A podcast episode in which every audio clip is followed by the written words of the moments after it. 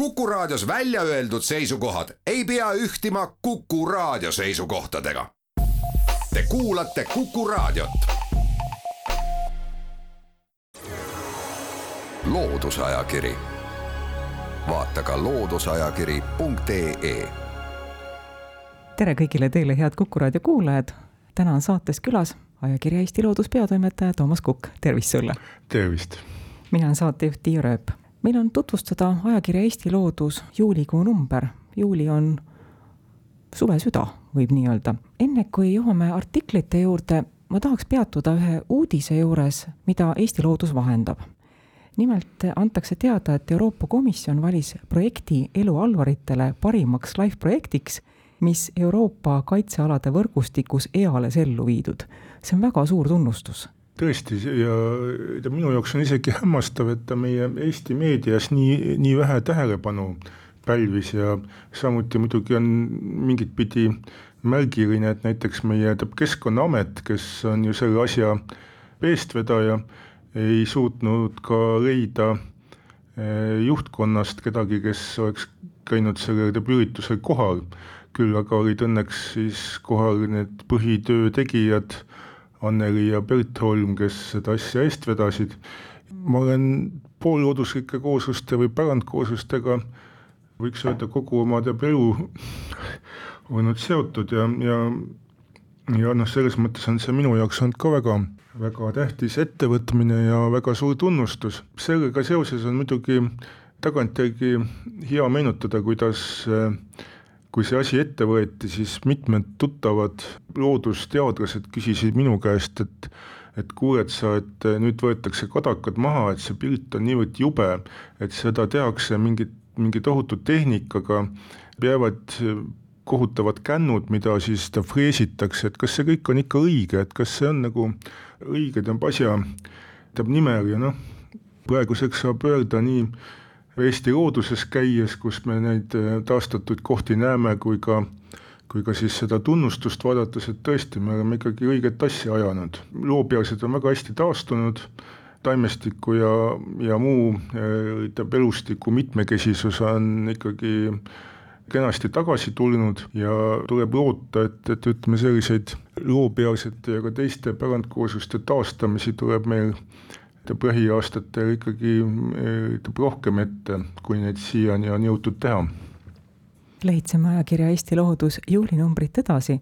Piret Pappel annab ülevaate juulikuust looduses, mida ja keda tähele panna. esimesed rändlinnud alustavad rännet, noored kotkapojad, kaljukotkad ja kalakotkapojad õpivad lendamise selgeks, liigub ringi palju rebasekutsikaid, metskitsel on jooksuaeg, liikvel on ka liblikaid ja mitmesuguseid parme ja Vändra kihelkonnas tuntigi juulikuud kui hobuse noogutuse kuud.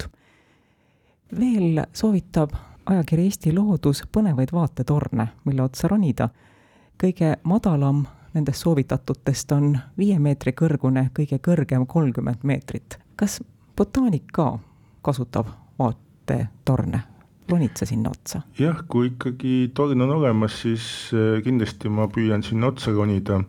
mulle ka väga meeldivad äh, nõukogude ajast järgi jäänud äh, sõjaväe päritolu tornikesed mitmel pool Lääne-Eestis, nii Vormsil, Hiiumaal kui ka Saaremaal.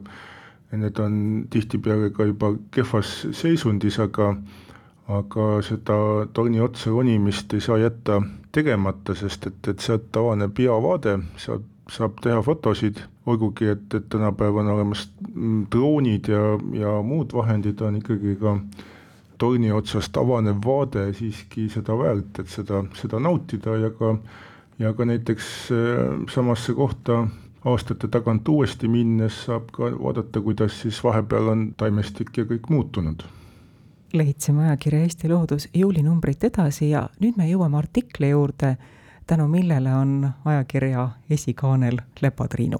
Kelly Kittus, Kelly on Tartu Ülikooli magistrant, on kokku pannud Eesti lepatriinulaste välimääraja.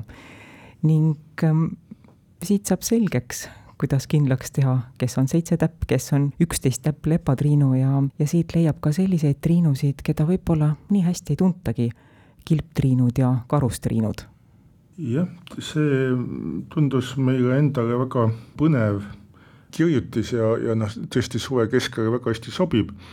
et küllap on see kõigile või noh, peaaegu kõigile üllatuseks, et lepatriinu sugulasi, päris lepatriinusid ja, ja kes sinna sugukonda kuuluvad, on meil viiskümmend seitse liiki ja selles kirjutises on need viiskümmend seitse kõik ka fotodega välja toodud, peale fotode on siis mainitud eh, nende liikide tunnuseid, kus neid võib kõige sagedamini kohata ja kes on siis need kõige sarnasemad, kellega need võivad segi minna.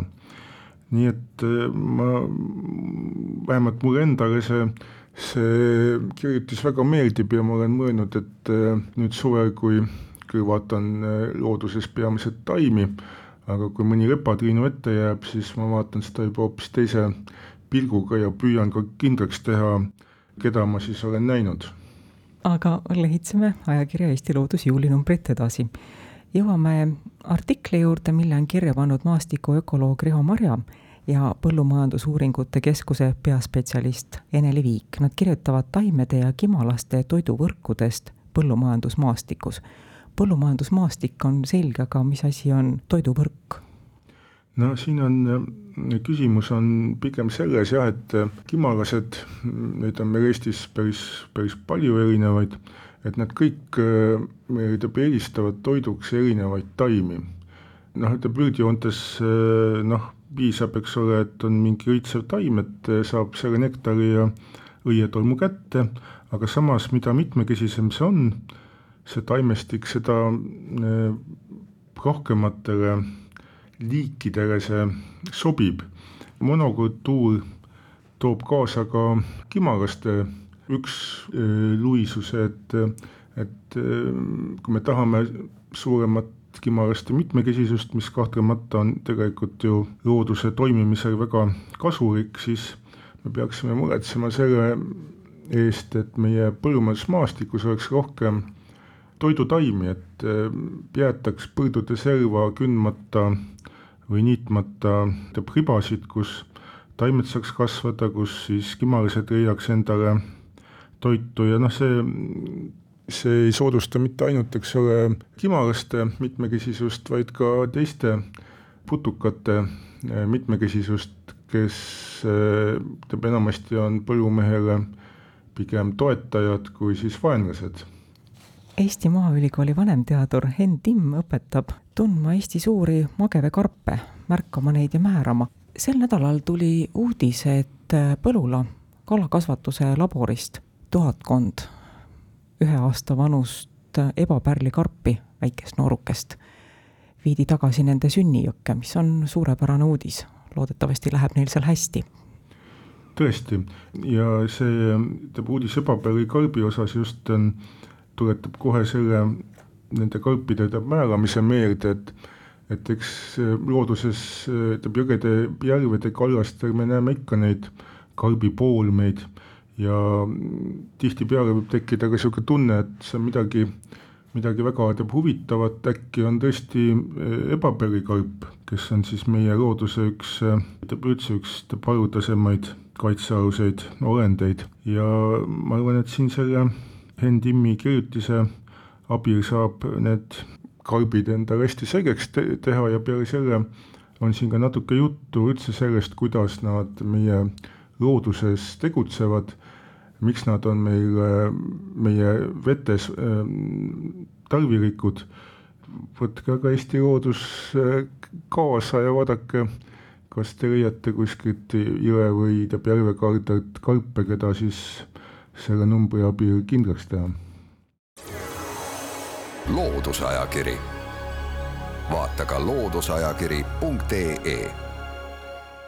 loodusajakiri läheb edasi, saates on külas Eesti Looduse peatoimetaja Toomas Kukk, mina olen saatejuht Tiia Rööp. me jätkame ajakirja Eesti Loodus juulinumbri sisust ülevaate andmist. ajakirja Eesti Loodus juulinumber tutvustab ka selle aasta seent milleks on mikroseen, kõrreliste tõlvtõvik. mükoloog Kadri Põldmaa on kirjutanud väga põhjalikult selle seene kohta ja, ja ma pakun, et ähm, kõrreliste tõlvtõvik võib olla üks selline mikroseen, keda inimesed, kes looduses liiguvad, nad on teda näinud küll, aga ega nad ei tea alati, kes ta selline on. no täpselt, äh, see on selline ebamäärane kate, sagedamini näiteks keraina valter, kus ta on lihtsalt, kuna ta kerain on suhteliselt suur taim, siis ta paistab hästi silma, aga selle seene elukäik ja seene ja taime suhted ei ole üldse nii lihtsad, et et kui me siin oleme harjunud äh, ütlema, et, et see mikroseen kindlasti kahjustab seda peremeestaime, siis ei ole nii sugugi nii ühene, sest et eks see seen elab seal taime sees tegelikult äh, sagedamini, kui me seda teame ja sagedamini, kui ta selliste väljapaistvate nii-öelda viljakehadena siis teda näeme. Et igatahes eh, soovitan sellesse kirjutisse süveneda, et, et ühe taime ja seene suhted ei ole üldse nii teab lihtsad, kui need pealtnäha paistavad, et mis on kahjulik, mis on kasulik, see on selline rohkem ütleme inimühiskonnast meil pidevalt teada, aga, aga tähendab looduses need asjad ei ole sugugi nii ühesed. rubriigis Tegutse teadlikult küsib Martin Tikk, kas suvel peab vähem magama kirjutist lugedes saame teada, et suvekuudel on uni pigem kvaliteetsem ning inimesed puhkavad paremini välja ja seda just nimelt tänu sellele, et on nii valge. jah, see on tõesti, teab üllatav, ma kujutan ette, et ikkagi enamik inimesi on seda tunnet ka võib-olla tundnud, et et suvel piisab nagu vähesemast äh, unest ja, ja no eks on kuidagi kahju ka magada, kui päike on juba kõrgel taevas, et peaks ikka midagi juba tegema. Ja tegelikult äh, tuleb välja, et äh, me, me saamegi hakkama suvel vähema unega, kuigi see selline nii-öelda arvutatud keskmine, et kui palju me siis tegelikult vähem magame, see võib olla mingi paarkümmend minutit kõigest, aga, aga see, see teab uni, mis meid siis äh, suvel saadab, on, on kindlasti parem kui see teab uni, mida me kogeme pimedatel talveöödel, et siis me magame suhteliselt rohkem kindlasti, aga see uni ei ole niivõrd hea kui suvel. ajakirja Eesti Loodus juulinumbri intervjuu on tehtud kliimateadlase Velle Tolliga. Katre Palo usutles teda ja küsis ta ka Velle Tollit, kas inimtekkelistes kliimamuutustes on võimalik leida ka midagi positiivset. mida Velle Tolli selle küsimuse peale vastab, seda lugege ajakirjast Eesti Loodus lehitseme meie aga ajakirja edasi ja me leiame siit tööjuhendi. geograaf Mait Sepp õpetab, kuidas uurida kliima soojenemist. tegemist on väga põhjaliku tööjuhendiga ja olen kindel, et see on väga suureks abiks nii õpetajatele kui ka õpilastele uurimistööde eesmärkide püstitamisel ja, ja seejärel nende püstitatud eesmärkide lahendamisel. Kindlasti ja ma arvan, et see ei ole ainult ikkagi õpilastele, vaid küllap äh, väga paljudki inimesed, kes on loodust jälginud ja tunnevad, et need noh, näiteks, et nüüd suved lähevad äh, kuivemaks, äh, kuumemaks, talved lühemaks, et, et kas see kõik nii on ja kas see kehtib ka teie kodukohas, siis tegelikult seda infot, äh, mida leiab veebist ja mida on võimalik siis tõlgendada oma siis ütleme, selle elupaigast lähtuvalt, seda on päris palju, nii et et ma arvan, et see juhend ei ole mitte ainult siis nüüd õpilastööde tegijatele, vaid kõigile, kes on huvitatud oma kodukoha või mingi muu huvitava koha ilmastikust. Ja noh, siin antud juhul eh, Mait Sepp tutvustab Kirde-Eesti näitel neid muutusi. Siit leiab ka infot äh, ülejäänud Eesti kohta, et millistes kohtades asuvad ilmajaamad, kus on võimalik, eks ole, leida täpsemat teavet, nii et ma arvan, et see on igatahes selline praktiline juhend, mis sobib mitte ainult õpilastele, vaid kõikidele loodussõpradele. Ajakirja Eesti Loodus juulinumbris on ka juhend abiks õpetajale, mis annab ülevaate, mida teha, kui leitakse surnud loom. Piret Pappel on selle kirja pannud ja üldprintsiibid võiksid ju olla selged, aga millised on need praktilised sammud, mida selle hukkunud loomaga peale hakata, nii et ta oleks õigesti säilitatud, et temast oleks kasu veel, et temaga saaks midagi ette võtta. sellest Piret Pappel ongi ülevaate andnud noh, tõesti, tegelikult muuseumeid huvitavad ka suhteliselt tavapärased loomad, kes üldiselt lähevad surnuna tagasi sinna oma loomulikku ainedeb ringkäiku. Need üldpõhimõtted on suhteliselt lihtsad siin, et, et ikkagi küll on siin juttu mitmetest vedelikest, kus neid pikemalt säilitada, aga noh, peamine on ikkagi külmkapp.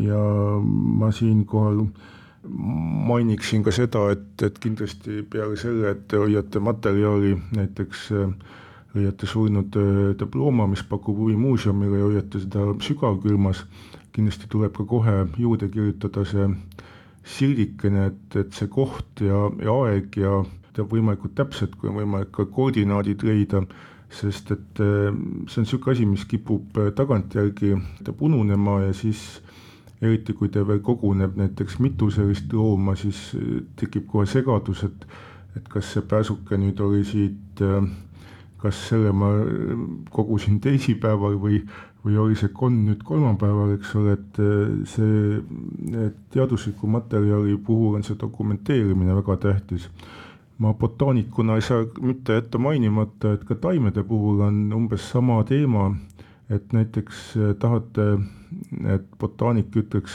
eh, mingisuguse taime eh, teab liigi ja, ja tahate seda taime säilitada, siis taim tuleb panna, ütleb kilekotti ja külmkapi tavalisse külma, kus te hoiate aiasaadusi ja, ja samuti siis on kindlasti tähtis siit juurde panna, et see tegelikult eh, mulle endale tundub niivõrd elementaarne, et siin ei ole nagu midagi öelda, ikka taimi, taimi tuleb hoida külmkapis nii kaua, kui neid näiteks kas herbaliseerida või siis määrata. Nad seisavad sellises tavakülmkapis väga edukalt kilekotis nädal aega kindlasti, pigem isegi kauem. taim peab olema üleni kilekotis aeg on saade ära lõpetada. ajakirja Eesti Loodus juulinumbri kaante vahelt äh, leiab veel hulgaliselt lugemist, lisaks nendele artiklitele, millest me rääkida jõudsime. saatejuht Tiiu Rööp tänab külalist, ajakirja Eesti Loodus peatoimetajat Toomas Kukke, kõiki teid, kes te kuulasite. ilusat suve jätku ja kuulame jälle nädala pärast. loodusajakiri, vaata ka looduseajakiri.ee